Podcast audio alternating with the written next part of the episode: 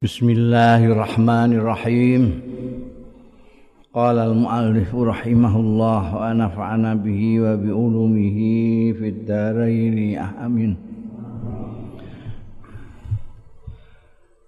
An Aisyah saking Sayyidatina Aisyah radhiyallahu anha qalat ngendika Sayyidatina Aisyah kanan nabi wa ana sapa Kanjeng Nabi sallallahu alaihi wasallam Iza dakhala nalikane manjing apa al asru?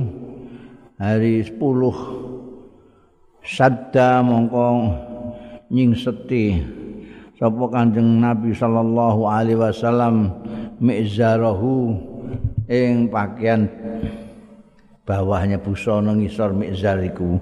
Ane biyen maknani saronge ada izar ada ridak mizar ambekan sing ngisor. Dikencengi. Nek cara kene ya sarunge dikencengi wa ahya lailahu lan ngurip-ngurip sapa Kanjeng Nabi sallallahu alaihi wasallam lailahu ing bengine asru. Wa aiqadha lan gugah ya Kanjeng Rasul sallallahu alaihi wasallam ahlahu ing keluargane Kanjeng Rasul sallallahu alaihi wasallam garwan. Jadi artinya itu kalau Ramadan sudah tinggal 10 hari terakhir itu Kanjeng Nabi njungkung ngibadah ya anu segala macam lebih kenceng daripada sebelumnya. Jadi Sadul Mizar itu inayah daripada meningkatkan kemempengan, kesungguhan, semangat itu ya. Odo karo nek kene wingkis-wingkis ngono itu artine mulai tandang gawe. Itu kalau masuk 10. Nah, ora terima beliau sendiri tapi keluarganya garwane digugah. Eh hai hai dijak njungkung tenanan An Ibni Abbasin sang sahabat Abdullah bin Abbas radhiyallahu anhuma anna nabiyya satuhune Kanjeng Nabi sallallahu alaihi wasallam Kala dawuh ya Kanjeng Nabi sallallahu alaihi wasallam, iltamisu golek ana sira kabeh. Ha. Ing Lailatul Qadar. Lailatul Qadar fil asril awakhir ing dalem 10 sing terakhir terakhir min Ramadan saking Ramadan. Maksudnya iltamisuha iku ilta lailatul qadri. Ya. Golek ya golek ini gune asal awakhir. Napa nih lailatul qadri mas? Anjen nabi ngesake ha itu lailatul qadr. Fitasiatin ing dalem songo tapko sing isih keri ya tasia. Wa fi sabiatin lan ing dalem pitu tapko sing isih keri ya sabia fi khamsatin tabqa ing dalem 5 sing isih keri. Jadi 29, 27, 25. Kon goleki Lailatul Qadar. Itu minimal. Jadi mestine nek kowe jungkung tenanan mulai awal Ramadan ngantek akhir bulan ya mesti kecekel iku Lailatul Qadar. Tapi Kanjeng Nabi pirsa nek wong-wong iku kepingine ora ono kepingine yang ngepasi ngono ae, ngepasi. Jadi kayak arah-arahan itu. Jadi 10 yang terakhir minimal 10 yang terakhir bulan Ramadan itu kita diminta untuk tenanan untuk golek Lailatul Qadar. Nah, orang kadang-kadang itu salah tompo Lailatul Qadar itu untuk duit bangsane ngono. untuk berkat. Wah, aku bantu Lailatul Qadar. Jadi kayak rokok sak pak ngono aja muni Lailatul Qadar. Itu guyon tapi keliru Jadi Lailatul Qadar malam di mana nilainya khairun min alfi syahr. Khairun min alfi syahr. Lebih daripada seribu bulan. Seribu bulan ini kurang tahun. Hitung dewi. Jadi nek kamu di situ kok pas ngibadah, pas jungkung itu padha karo jungkung seribu bulan. Khairun min. Itu yang dicari. Saat tepat pada waktu Al-Qur'an datang itu pada Lailatul Qadar. Di mana nilainya itu khairun min alfi syahr. Kamu kok iso pas ning kono iku kowe pas njungkung, pas salat, pas wiridan, pas pokoke pas ibadah. Itu nilainya melebihi seribu bulan. Ya. Jadi ini untuk Lailatul Qadar bisa nuna ya, masya Allah keliwat keliwat udah ibadah. Ya. 10. 10 iku isih digoleki pase kok sepuluh terakhir iku lah wes iku wae digenjot Jane kan ya mok 10 aja dalam tanda kutip cuma 10 timbangane 30 kan Mok 10. iku wae isih digoleki.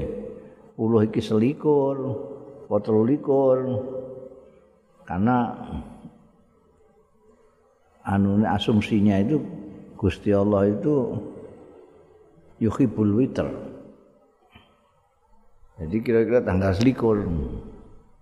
Nek ayat telu likur. Nek ayat selawe. Nek ayat pitu likur. Nek ayat sangal likur. Tapi nek mbok nek mbok nek mbok cucuk pada tanggal-tanggal ganjil tok iku iso isih iso meleset mergo halu hisab kadang-kadang beda pendapat. Menurut kono iki tanggal selikur menurut kini tanggal 20 itu kan sering terjadi. Mulai ini poso beda mulai hari raya beda kan. Iki jadi hitungan ya mbok hitung secara pasti tanggal ganjil iso beda sing mbok hitung ganjil ternyata hitungan sing kono itu ganep sing anu yo iki ae iltamisu fil asril awakhir min ramadan ngono ae 10 itu benjat terus saja. Nah, ibadah. Jadi sebetulnya ada waktu-waktu kita itu ibadah, ndonga, segala macam itu ada waktu-waktu mustajab. Nah, mereka terkabulnya suatu donga munajat permohonan ibadah itu bisa karena orangnya mergo orangnya. Ada yang karena waktunya. Ada yang karena tempatnya. Jadi ana donga mandi itu juga tergantung ibadah dia. Ditompo itu ada tiga tadi kemungkinannya. Kaya wong donga donga itu ana sing mandi mergo wonge mulai terus dijaluki donga wong-wong iku mergo dongane terkenal mandi Jadi bukan karena waktunya, bukan karena tempatnya, tapi karena orangnya itu sendiri. Lah nek kowe kepengin sing ngono iku dadi ndonga ning diae mandi, wektu apa ae mandi, iku syaratnya kudu resik. Njopo jero. Atine resik, pikirane resik, wonge resik. Itu iku iso mustajab karena orangnya. Ono sing mergo wektune tune itu pas sembayang ya pas udan deres dina Jumat khususnya nalika imam lagi khutbah ninggune mimbar. Barasar. Itu ada waktu-waktu tertentu yang mandi. Senajan kue dungamu biasanya gak mandi tapi kalau ngepasi waktu itu menjadi mandi. Ana sing mergo tempate tempatnya bersih ning masjid terutama nek ning tanah suci di sana tempat banyak sekali. Banyak sekali tempat-tempat di mana dungane mustajab. Ning Masjidil Haram khususnya ning multazam ning makam Ibrahim ning Mas'a ning Raudhah Madinah ning Arafah. Banyak tempat-tempat gone waktu itu Jumat bulan Ramadan khususnya 10 hari di akhir Ramadan asril awakhir min Ramadan. Ya. An Aisyah ta saing Sayyidatina Aisyah radhiyallahu anha. Anna Nabi satuhune Kanjeng Nabi sallallahu alaihi wasallam Kana ono ya Kanjeng Nabi ku ya takifu iktikaf ya Kanjeng Nabi. Al asral awakhir min Ramadan. na ing 10 yang terakhir min Ramadan saking bulan Ramadan hatta tawaffahullah sehingga mundut ing Kanjeng Nabi sallallahu alaihi wasallam sapa Allah Gusti Allah. Summa takafa mengkori kari-kari iktikaf sapa azwajuhu garwa-garwane Kanjeng Nabi sallallahu alaihi wasallam mimbadi saking sause Kanjeng Nabi sallallahu alaihi wasallam Kanjeng Nabi itu yang dinas sampai wafat itu iktikaf pada bulan Ramadan pada waktu puasa. Bahkan makanya ada ulama-ulama yang mensyaratkan iktikaf itu pada bulan Ramadan atau pada saat puasa. Jadi eh, iktikaf itu ana sing ngendikane sae nek nganggo poso, nek ora poso iktikaf ora pati anu. Kanjeng Nabi Muhammad sallallahu alaihi wasallam dewe itu kalau tanggal 10 10 hari terakhir Ramadan oh itu bisa dipastikan mesti itikaf. Itikaf. Sampai wafat. Karena itu eh, jumhur ulama itu bukan hanya menyatakan itikaf itu sunnah. Ada yang menyatakan sunnah muakkadah karena kanjeng Nabi tidak pernah meninggalkan sampai wafat terutama di asrul awakhir min Ramadan itikaf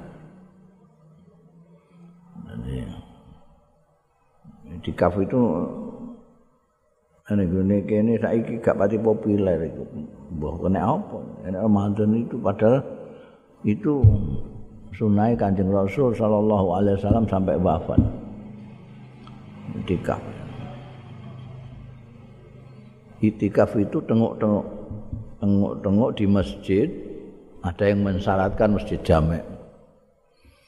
Masjid kayak masjid Demak Mini barang nggak Aceh. Oh no. ana sing ngendikane kudu mesti jam. Mesti jam ya masjid alun-alun iku.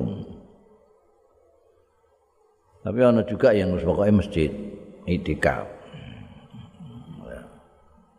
Itikaf itu tengok-tengok di masjid untuk takarrub ilallah taala.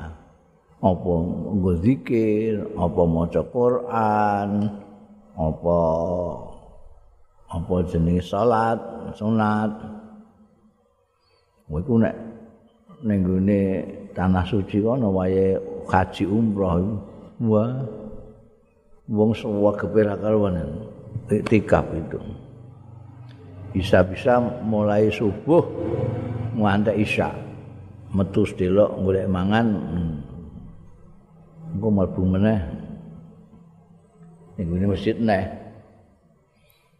kegiatannya ya sing mendekatkan kepada Allah Subhanahu wa taala Yang banyak itu maca Quran, maca Quran. Ada sing maca kulhu tok ya ana, wiridan, lawatan tok ya ana. Salat terus bolak-balik ya ana. Pokoknya amalan-amalan yang mendekatkan ya takarrab ilallah ta'ala. Itu itikaf. Kanjeng Nabi sampai wafat bar wafat garwa-garwane meneruskan sikap itu, perilaku itu, itikaf itu. Hmm.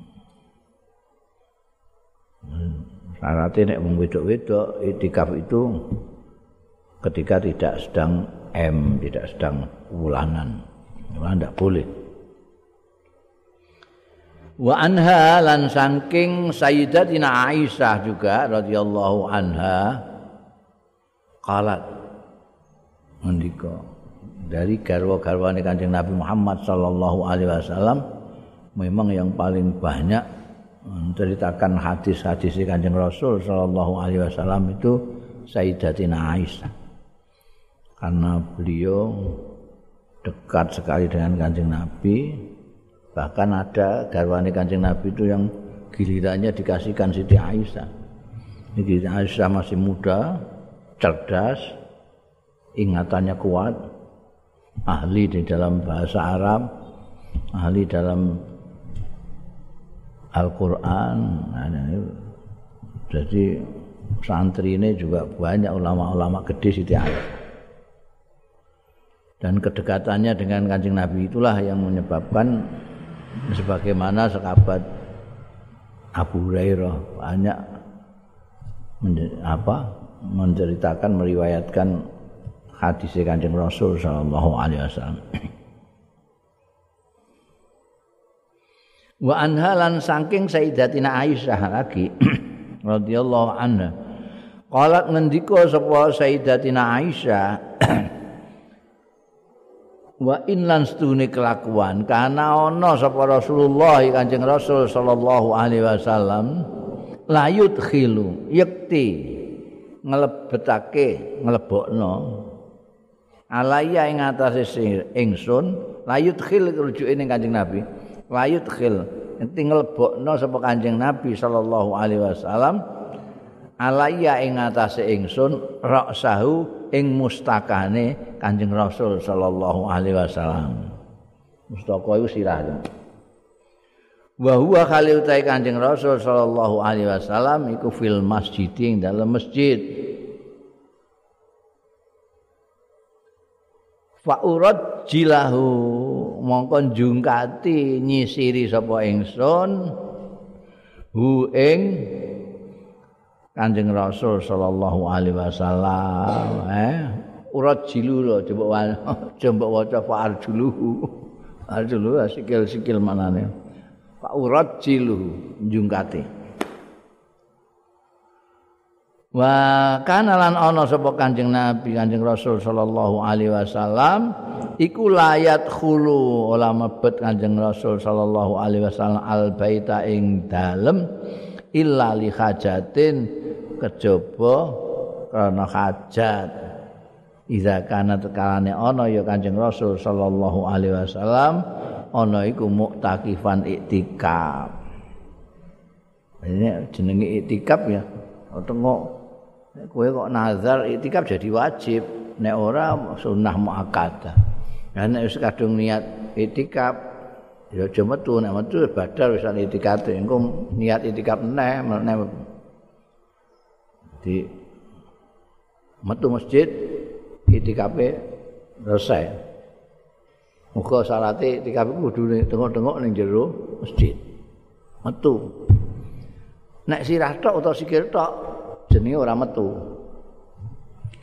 Aku tahu cerita nek Kanjeng Nabi Muhammad sallallahu alaihi wasallam iku daleme mepet masjid. Saiki masuk di dalam masjid ya, karena pelebaran masjid itu sudah sebab sejak zaman sahabat Umar mungkin itu sudah masuk masjid. Dulu itu tanggane masjid. Ini kono iku daleme kene masjid. Ini masjid. Jadi jendelane masjid metune view-nya itu masjid. Jendela. Lawangnya langsung bisa ke masjid. Lani Siti Aisyah yang ngendikake nek Kanjeng Nabi Muhammad sallallahu alaihi wasallam itu pernah iktikaf tidak keluar dari masjid tapi kepalanya pustakane dilebokno ning ngene dalem untuk dijungkas karena Kanjeng Nabi Muhammad sallallahu alaihi wasallam itu besus, necis, kebersihan paling disukai, wangi paling disukai, macak kowe Kanjeng Nabi itu penampilan penting sekali. Karena apa? Karena beliau itu dai. Dai itu kudu menarik hati dari segi penampilannya saya itu tak sering ngomong itu kudu menarik. jadi dai itu nyompros kabeh. lagi munggah wong otengan ini genemane Kanjeng Nabi itu bersih kemarin itu siwakan tidak pernah ketinggalan selalu indah kuli sholatin mandi minimal setiap Jumat pasti mandi.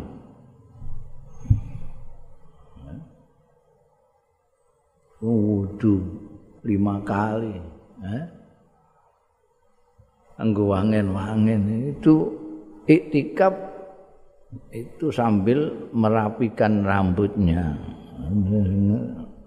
itu mesrane ya Siti Aisyah kan ya Allah jadi kalau telepon Siti Aisyah dari dalam rumah itu sudah tahu lah ini kan Nabi minta disisir jadi dari dalam rumah disisiri karo garwane. Beliau tidak keluar dari masjid itu karena sedang itikaf. Nah ya. Nah, pentingnya itikaf meninggalkan masjid, tapi juga apa namanya hubungan dengan istrinya itu masih. Dan kalau keluar itu ya hanya kalau dahar, eh? masuk ke rumah. Nek sekarang ini kowe iso kalau misalnya sekarang ini masih tetap difungsikan sebagai rumah itu bisa masuk keluar masuk nggak masalah karena sekarang ini ada di dalam masjid dalam masjid Bunda wa an Sofiyata ini garwane Kanjeng Nabi juga An Safiyah zaujin Nabi sallallahu alaihi wasallam. Wa radhiyallahu anha. Annaha sedune Sayyidatina Safiyah iku jaat rawuh ya Safiyah ila Rasulillah marang Kanjeng Rasul sallallahu alaihi wasallam tazuruhu nilii ziarahi sapa Sofiyahu ing Kanjeng Nabi sallallahu alaihi wasallam fi itikafihi ing dalam itikafe Kanjeng Nabi sallallahu alaihi wasallam fil masjid ing dalam masjid. Ini rada rada adoh daleme Sofiyah rada adoh. Nek Siti Aisyah kan ya cedak masjid gitu. kalau kanjeng Nabi itikaf itu garwane sing nilai itu. Karena kanjeng Nabi tidak keluar kalau sudah terutama kalau fil asril awakhir min Ramadan itu nggak keluar keluar masjid terus. Zikiran maca Quran salat sunnah. Itu nggak keluar sama sekali. Mulane garwane Sayyidatina Sofia ini juga tilik ning masjid. Ketika beliau itikaf fil asril awakhir loh ya. Ing dalam 10 yang terakhir min Ramadan. 10 terakhir itu kanjeng Nabi itikaf terus di masjid itu. Fatahaddatsat mongko ngendikan-ngendikan ya Siti Sofia indah ana ngasani Kanjeng Rasul sallallahu alaihi wasallam saatan sedelo jadi berbincang-bincang eh jenenge garwa itu di, sini kelihatan lagi bagaimana hubungan Kanjeng Nabi garwa-garwane itu luar biasa mesrane jadi pas itikaf karena itu 10 hari 10 hari kan. Kaya Sayyidatina Sofia sing daleme ada. So kangen bareng itu. Sowan tilik lah. Ini ngobrol sedilok summa qomat. Summa qomatnya sekedar untuk ngomong-ngomongan mek garwane mek Kanjeng Rasul sallallahu alaihi wasallam. Bertahaddatsat indahu sa'atan summa qamat. Monggo keri-keri jumeneng ya Sayyidatina Sofia tangkal ibu kondur balik. Sampun kanjeng Nabi terus ngelak. Faqaman nabiyyu mongko jumeneng Kanjeng Nabi sallallahu alaihi wasallam ma'aha sartane Sayyidatina Sofia. Yak libuha ngeterke kundur sapa Kanjeng Nabi sallallahu alaihi wasallam ha ing Sayyidatina Sofia. Bareng pamitan balik cengkelak Kanjeng Nabi terus menyat wis tak terken Kata idza balagat babal masjid sehingga tatkalane tumeka ya Sofia Sayyidatina Sofia babal masjid ing lawang masjid. Inda babi Ummi Salamata ana ing sandingi bab Ummi Salamah. Biyen iku pintu-pintu masjid itu ada babnya sahabat Abu Bakar ada bab ini banyak nanti nanti kamu kalau umroh ke Madinah ke Masjid Nabawi itu masih ada pintu-pintu banyak ada tulisannya. Ada yang sudah ditutup tapi yang masih ada tulisannya dulu di sini masjidnya sahabat lawangnya sahabat Abu Bakar, ini lawangnya Ummi Salamah, ini lawangnya apa namanya? Sekarang diinggoni ambekan raja-raja Wahabi sing guring-guring apa Babu Fahad Babu Abdul Aziz Babu Suud. Tapi saya ana tulisan cilik-cilik ngene sing mbiyen zamane Kanjeng Nabi itu ana. Iku nenggone Babu Umi Salama ketika sampai lawang Minam marra rajulani lewat sapa wong lanang loro minal ansor saking ansor. Pas arep tekan lawang Kanjeng Nabi karo Sayyidatina Sofia ini pas ngeterno arep kundure Sayyidatina Sofia. Pas ning lawang Umi Salamah ana wong lewat loro wong ansor. Fasallama mongko uluk salam ya rajulani ala Rasulillah ing atase Kanjeng Rasul sallallahu alaihi wasallam. Nyalami pirsa ana Kanjeng Nabi terus sahabat Ansar loro iki uluk salam. Assalamualaikum ya Rasulullah. Faqala lahuman nabi mongko ngendika lahuma dawuh lahuma marang rajulani minal ansor sapa annabiyyu kanjeng nabi sallallahu alaihi wasallam. Ala rislikuma aja kesusu anu ya ala rislikuma tenang aja tidak ada apa-apa kok ini anu. Innama hiya Sofiyatu bintu Huyai. Iki mono Sofiyah bintu Huyai. Bujuku dewi Jadi ngesek-sek ya aja aja anu lho, aja curiga dhisik lho. Alaris niku itu maknane tenang, tenang. Tidak ada sesuatu yang mencurigakan. Alaris niku ini mono Sofia bintu. Mereka sudah tahu Sofia bintu Khuya itu garwane Kanjeng Nabi.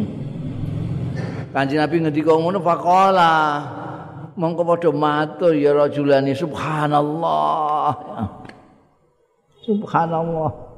Maha suci Gusti Allah ya Rasulullah. Ya subhanallah itu untuk ucapan yang bukan untuk yang gembira ya, ini untuk sesuatu yang memprihatinkan ya subhanallah. Ya Rasulullah do Kanjeng Rasul. Wa kaburolan rasa besar sekali itu perkara sing gede banget. Alaihi ma ing atase rajulani mau. Rujuke kabura iku maka lalahuman nabi sallallahu alaihi wasallam. Mun ala rislikuma iku mal ala rislikuma itu yang dirasa berat sekali bagi dua orang rajul tadi. Kabura alaihi ma. Kabura ae kabura kaulur rasul ala rislikuma faqalan nabiyyu mongko dawuh sapa kanjeng nabi sallallahu alaihi wasallam inna syaitana setuhune setan iku ya bluhu minal insan sampai ya setan minal insan yang manusa mablaghat dami ana ing panggonan tumekaning darah wa ini nan stune ingsun iku khasyitu ngawatirke sapa ingsun ayyuk rifa ayak rifa ya kena ayyuk rifa ya kena. Ayak rifa yen to nguncalake ya setan fi kulubikuma ing dalem ati-ati loro sayan ing sesuatu. Berarti ini wong dua orang yang dijumpai yang sedang lewat di pintu Umi Salamah dan melihat Kanjeng Rasul sallallahu alaihi wasallam dengan garwane Sayyidatina Sofiyah itu. Sofiyah bintu Khair. Itu kan orang yang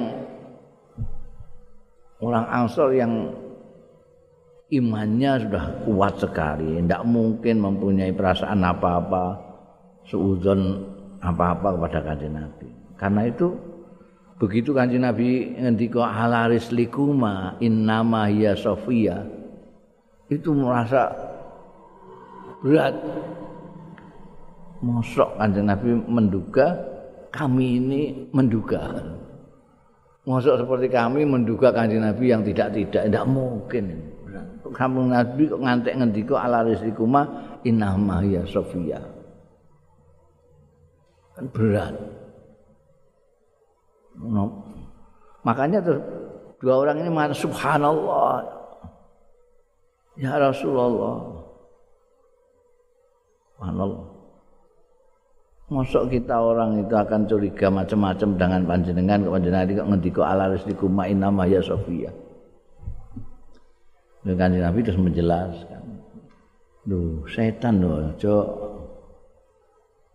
Jangan main-main dengan setan. Setan itu ibaratnya kayak darah yang mengalir di dalam tubuh kita.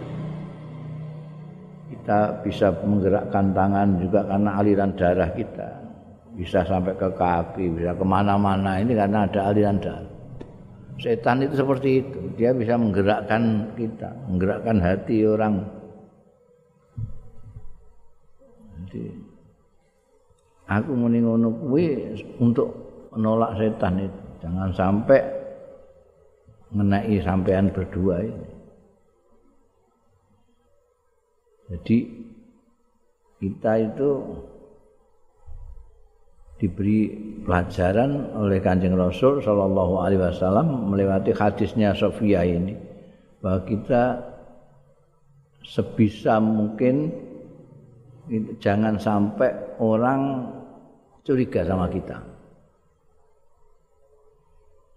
Menghindari orang curiga sama kita. Bab setan itu tidak bisa mau mosok dulur dewi mosok jangan pandang soal dulur dewi jangan karena ini jangan karena macam-macam. Aku tidak mungkin akan menuduh kamu begini. Enggak bukan kamu tapi setan bisa menyelusup lalu mempertanyakan yang enggak-enggak. Karena itu kita diminta untuk menjaga diri. Satu zari'ah jangan sampai ada orang yang salah mempersepsikan kita. Kalau kita misalnya melaku ambek bucu apa ambek adikmu ya kandak ambek wong iki adikku. Supaya orang tidak menduga macam-macam kalau kemudian menduga macam-macam jadi fitnah. Kasihan yang menduga itu. Karena kamu memberi peluang untuk dia menduga. Ya? Bundel An Anas bin Malik radhiyallahu anhu An Anas bin sahabat Anas bin Malik radhiyallahu anhu. Anin Nabi saking Kanjeng Nabi sallallahu alaihi wasallam. Kala ngendika sapa Kanjeng Nabi, laisa min baladin. Ora ana suci negeri pun illa saya saya tahu kejaba. Niku bakal menginjakkan kakinya hu ing balat. Sapa dajjal dajjal. Illa makkah wal madinah. Kejaba Mekah Medina. Dajjal itu semua negeri bisa didatangi, bisa dilatih, disentuh. Kecuali Mekah Madinah dia tidak bisa. Eh?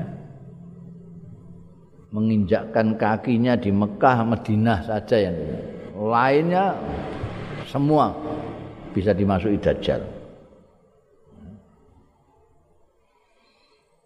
laisa lahu ora ana kemampuan lahu kedue dajjal min niqabiha saking telatah-telatahe Mekah Madinah apa nakbun telatah illa alaihil malaika. Kejaba alaihi ing atase nakbun al malaikatu tai pira-pira malaikat safina. Hale padha baris kabeh. Ya harusunaha jaga ya malaikat ha ing Mekah Madinah Summa taljufu mongko kemudian bergetar. Apa jenenge? Kaya lindu itu jenenge apa? Bergetar. Gonjing. Apa al Madinah tu Madinah bi ahliya kelawan keluar penduduk Madinah salah saro jafatin. Tiga kali goncangan. Goncang tiga kali. Payah ruju payuh riju mongko ngetokake sapa Allah Gusti Allah kula kafirin ing saben-saben wong sing kafir wa munafikin dan munafik Jadi negeri yang tidak bisa dimasuki Dajjal dua yaitu Mekah dan Madinah. Lainnya bisa. Oh, bangsa Riyadh, bangsa Jeddah eh, bisa. Hmm. Jakarta barang bisa. Mekah Madinah tidak. Karena apa? Karena Mekah Madinah seperti hadis sebelumnya itu di seluruh Madinah itu telatahnya dijaga oleh malaikat. Ini tidak ada satupun eh, sejengkal tanah pun yang tidak dijaga oleh malaikat. Malaikat berjajar menjogo. Jangan sampai ada yang masuk termasuk dajjal. Iku kemudian digoncang. Malaikat sing Medina itu goncang. Terus do mencolot kabeh. Wong sing kafir sing munafik itu ngantek resik. Tidak ada orang-orang yang munafik tidak ada yang kafir. Di sini wong mukmin kabeh nah itu tidak bisa. Apa yang jenenge? Dajjal tidak bisa masuk. Bunda qala ibnu umar dawuh sapa abdullah bin umar bin khattab radhiyallahu an isbaghul wudu al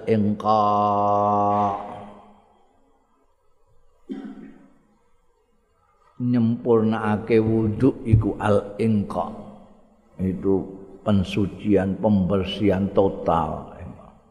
Ngaki.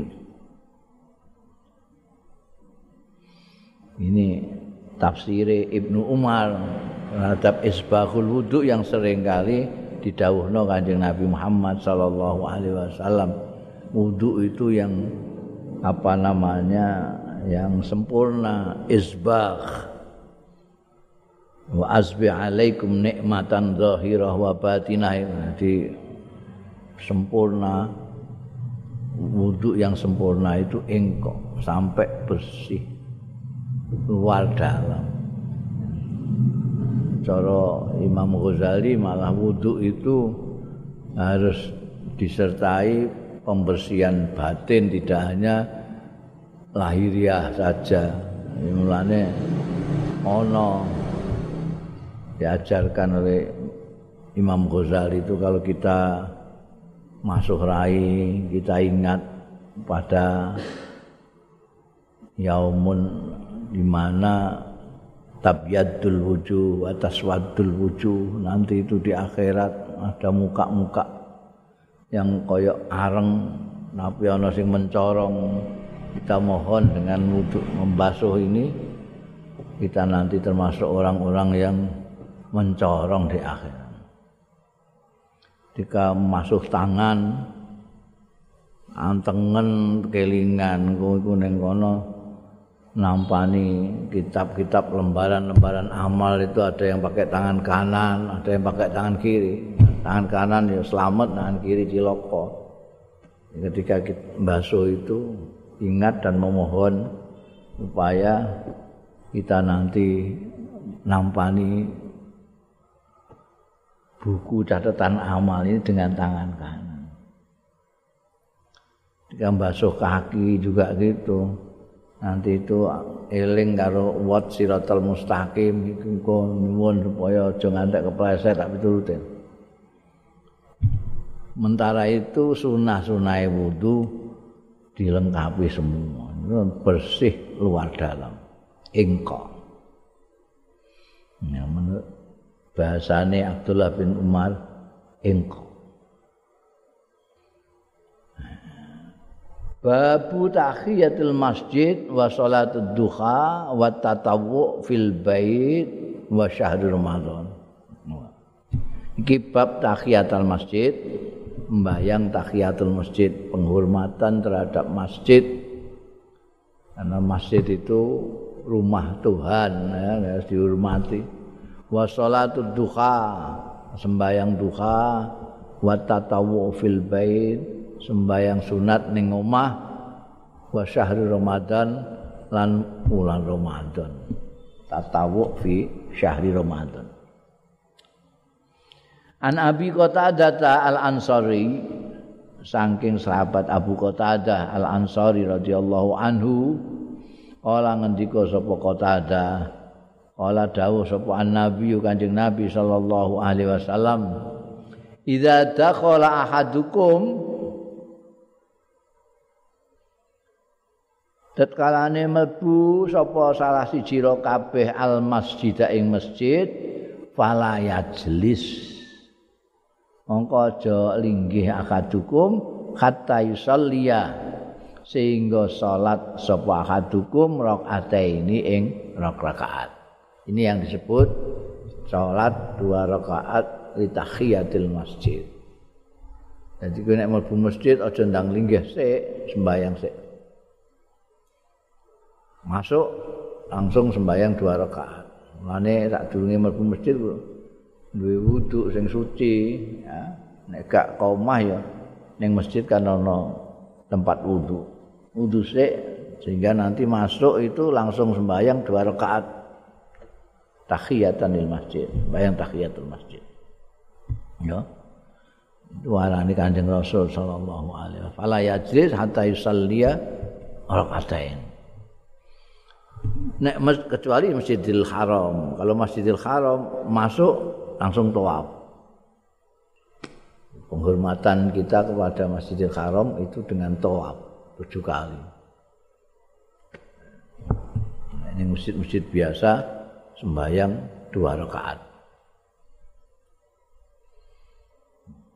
An Abi Hurairah ta, saking sahabat Abi Hurairah radhiyallahu anhu kala ngendika sahabat Abu Hurairah ausani khalili masihati ing ingsun sapa kekasihku sallallahu alaihi wasallam.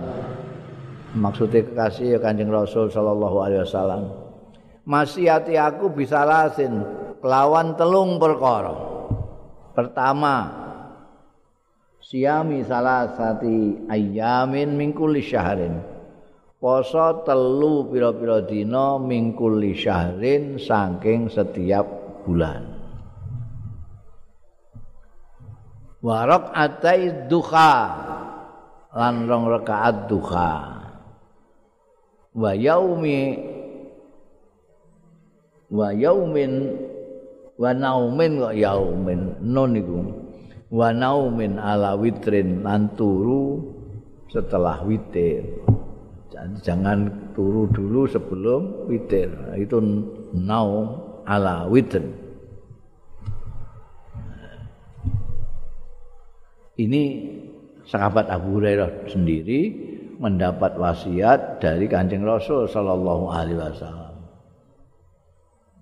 Mungkin ada juga sahabat-sahabat lain yang mendapat wasiat dari Kanjeng Rasul sallallahu alaihi wasallam yang lain. Ya. Jadi nek mbok kumpulno jadi banyak itu. Ning kene Said Sayyidina Abu Hurairah radhiyallahu anhu itu diwasiati Kanjeng Rasul sallallahu alaihi wasallam tiga hal. Kejo ngantek ali laksanakan. Poso telung dino setiap bulan. Mulai bulan Muharram, Safar, mulut ke mulut, tilawat, masing-masing tiga hari tiga hari. Ini gue hadisnya siapa? Abdullah bin Amr bin As itu satu satu bulan satu terus dinyang bean Amr bin As kurang akeh nih tunggal nih ya telung telu saya kurangan sangat eh, karena apa jenenge Abdullah bin Amr bin As itu senengane ibadah di kandani saulan sepisan wah sithik nah saulan kok sepisan ya saulan telung dino. Wah, kesidhiken. Ya seminggu pisan. Wah, kesidhiken. Ya seminggu ping minggu. Senin Kamis. Isih, wah ini kesidhiken. Ya poso Daud sedina poso sedina ora. Ayo muni kesidhiken kowe. Nah, iku sing paling apik. Ning kene iki telung dina. Setiap bulan poso rong dina. Mbok goleki Senin apa Kamis pokoke telung dina lah. Dipeseni juga untuk tidak lupa membayang dua rakaat duha. Anu sing salat duha sampai papa, sampai wolu, sampai macam-macam itu hadis liya. Sahabat Abu Hurairah wasiat Kanjeng Nabi minimal dua rakaat duha. Ini pas duha bayang rakaat. Dan naum ala witrin. Ini makanya ada yang mengatakan bahwa witir itu merupakan sunnah muakkadah. Karena kanjeng Rasul Shallallahu Alaihi Wasallam seperti halnya tadi itu tidak pernah meninggalkan. Di itikape kanjeng Nabi. Saat witir tidak pernah kanjeng Nabi. Kalau mau sare ya witir. Naumun ala witir setelah sembahyang witir jangan melakukan kegiatan apa pun itu terus tidur. Itu naumun ala witir. Jadi witir itu pekerjaan amal yang kamu lakukan sebelum tidur. Jadi kalau nek isih kowe duwe gawean apa ndres apa nulis apa segala macam jadi witirnya nanti. Karena habis witir nanti terus tidur naumun ala witrin itu. Pekerjaan amaliyahmu yang terakhir ketika sebelum tidur itu adalah witir. Ini wejangane wasiate Kanjeng Rasul sallallahu alaihi wasallam ning sahabat Abu Hurairah. An-nafi'in an-nafi'in wallahu a'lam.